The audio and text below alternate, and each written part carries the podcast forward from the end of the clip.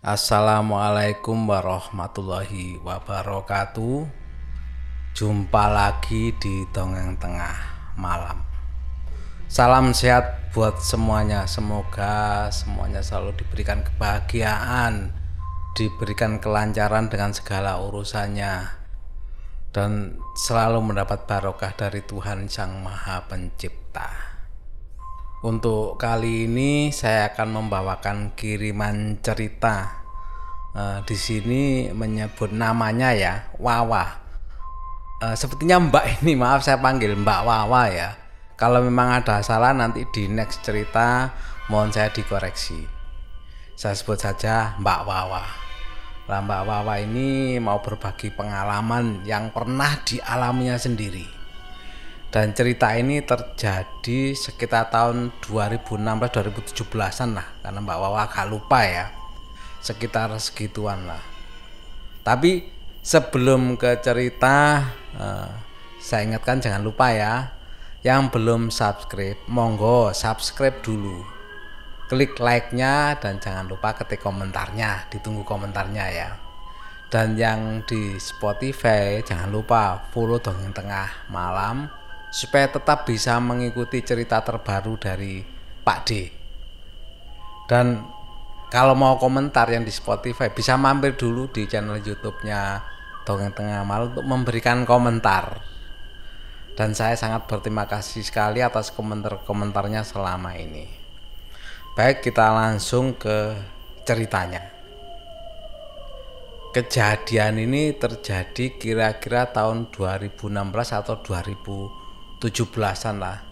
Waktu itu Mbak Wawa ingat betul adalah hari pertama eh, beliaunya ini mencoba untuk bergadang sampai pagi. Mbak Wawa nggak ingat hari itu hari apa. Yang jelas pada saat itu adalah saat liburan sekolah. Makanya Mbak Wawa berencana untuk bergadang malam itu. Jadi malam itu seperti biasa ya kira-kira jam 10-an malam setelah sholat isya dan bersiap-siap Mbak Wawa pun langsung menuju ke kamar. Nah, karena memang malam itu Mbak Wawa sudah berencana untuk begadang karena memang besok kan hari libur. Jadi untuk mengisi waktu bergadangnya Pak Wawa ini sibuk bermain handphone seperti layaknya lah anak-anak remaja. Pokoknya dipuas-puasin lah bermain handphone sampai merasa bosan juga. Setelah bosan beralihlah membuka laptop. Lah sambil membuka laptop otomatis ya nonton film-film lah. E, membuka film-film yang ya karena memang pinginnya memuaskan diri untuk bermain gadget atau menonton film dan sebagainya. Dan begitu terus sampai nggak terasa waktu subuh pun tiba. Ajan subuh sudah terdengar berkumandang di masjid. Nah selama semalaman tadi itu nggak ada hal-hal yang aneh yang yang terjadi yang dirasakan sama Mbak Wawa ini ya. Bahkan nggak terpikirkan akan terjadi hal-hal yang tidak diinginkan untuk terjadi itu nggak ada kepikiran sama sekali. Kemudian kebetulan saat itu kan tepat sekitar pukul 5 pagi dan Mbak Wawa pun juga sudah mulai mengantuk. Makanya eh, memutuskan untuk tidur setelah menunaikan sholat subuh. Kemudian Mbak Wawa pun pergi ke kamar mandi, untuk mengambil air wudhu dan setelah itu kembali ke kamar. Oh ya, sebelumnya ini sebagai gambaran ya kamarnya dari Mbak Wawa ini ya. Jadi dari masuk pintu, masuk pintu kamar ya, di sebelah kiri itu ada meja belajar lengkap dengan buku-buku dan alat tulis. Serta ada juga sebuah cermin kecil yang kira-kira ukurannya ya 30 kali 40 sentian lah setelah lurus dari pintu masuk itu langsung ke kasur atau tempat tidurnya. Nah, kembali lagi ke cerita ya. Jadi setelah selesai dari kamar mandi, Mbak Wawa kan langsung balik ke kamar. begitu buka pintu masuk ke kamar, entah kenapa Mbak Wawa ini ada keinginan untuk menoleh ke cermin karena kan memang dilewati cermin itu yang ada di meja belajarnya itu. Tanpa perasaan apa apa sih nggak merasa ada feeling apa kayak nggak ada. Ya normal lah. Sambil jalan melihat atau melirik ke arah cermin. Kan biasa ya. Lah dari situ kalau normal biasanya kalau kita berjalan melewati cermin eh, kebanyakan sih kan menoleh ke cermin. Dan pada waktu menoleh ke cermin otomatis itu kan melihat wajah kita sepertinya kan saling menatap gitu loh kembaran lah. Kalau kita berjalan menoleh ke arah cermin otomatis di cermin itu wajah kita kan menoleh ke arah kita dengan kondisi yang sama. Tapi beda yang dialami Mbak Wawa pada saat itu. Pada saat menoleh ke arah cermin itu memang ada sosok yang menyerupai cerminan dirinya lah ya. Tapi sosok yang ada di cermin pada waktu Mbak Wawa menoleh ke cermin bukannya bayangan yang di cermin itu menoleh balik ke Mbak Wawa tetapi yang bikin kaget Mbak Wawa adalah bayangan yang di cermin itu begitu Mbak Wawa menoleh ke cermin sosok itu justru menghadap lurus ke depan bukan sama-sama saling menoleh begitu sadar bisa dibayangkan ya betapa kagetnya Wawa pada saat itu. Karena yang dilihat Mbak Wawa kan berarti sosok itu dilihat eh, Mbak Wawa melihat sampingnya sosok tersebut. Dan sekilas Mbak Wawa pun kan memperhatikan.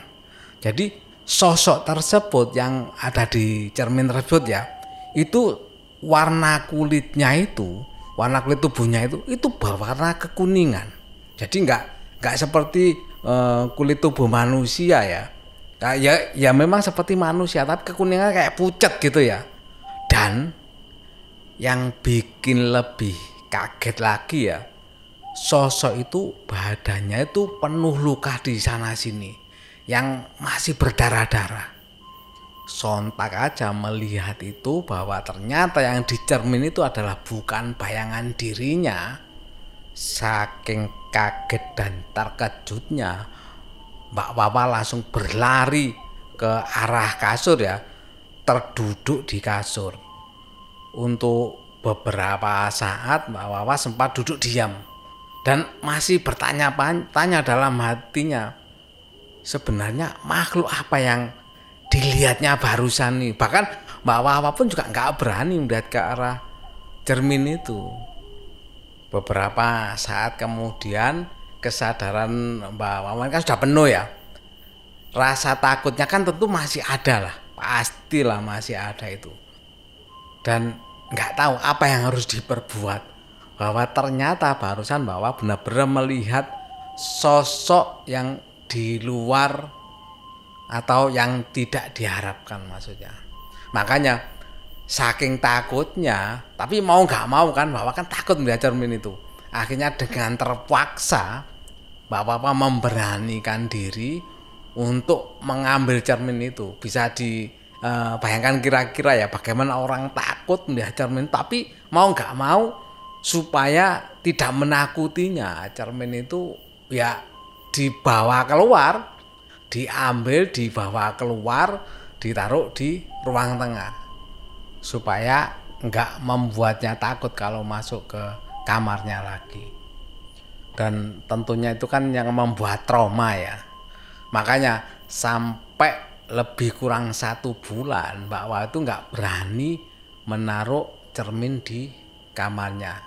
Sampai setelah lewat satu bulan lah baru Mbak Wa berani lagi untuk menaruh cermin itu di kamarnya oh bukan main itu tadi cerita dari Mbak Wawa ya. Berarti Mbak Wawa ini cukup berani juga hanya memerlukan waktu satu bulan ya. Karena orang trauma itu uh, kan ini sumbernya dari cermin itu ya. Bayangkan ya, walaupun satu bulan rasanya kalau masih melihat cermin itu kalau orang gak punya keberanian seperti Mbak Wani pastilah sudah nggak mau lagi ada cermin di kamarnya itu. Pasti masih tetap terbayang eh, dalam waktu yang cukup lama. Tapi lumayan Mbak Wani cukup berani lah bisa menaruh lagi dalam waktu satu bulan.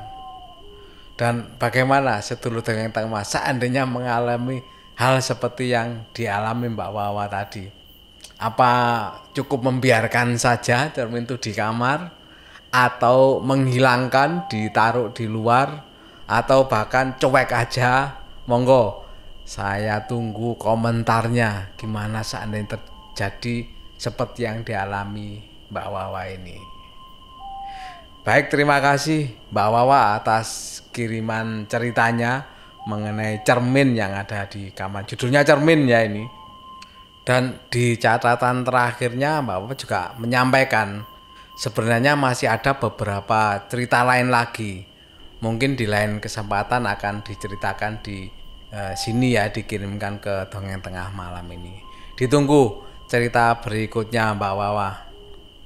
Atau ada sedulur yang punya pengalaman seperti yang dari Mbak Wawa, monggo bisa kirim cerita ke dongeng tengah malam ya. Kirim cerita via email ya, emailnya dongeng tengah malam at gmail.com bisa langsung dikirim ceritanya via email tersebut. Sekali lagi terima kasih Mbak Wawa atas kiriman ceritanya. Ditunggu cerita berikutnya pengalaman yang dialami Mbak Wawa berikutnya. Dan juga bagi pendengar dongeng tengah malam terima kasih semuanya yang selalu setia mendengarkan cerita dari Pak D. Juga terima kasih atas komentarnya walaupun tidak bisa saya balas tapi semuanya insya Allah selalu saya baca. Dan itu membuat semakin bersemangat Pak Di untuk membawakan cerita terbaru dan terbaru lagi. Terima kasih buat sedulurku semuanya. Ingat yang belum subscribe monggo subscribe dulu. Dan yang di Spotify monggo follow dulu dongeng tengah malam. Saya Pak Di Alvan saya akhiri. Wassalamualaikum warahmatullahi wabarakatuh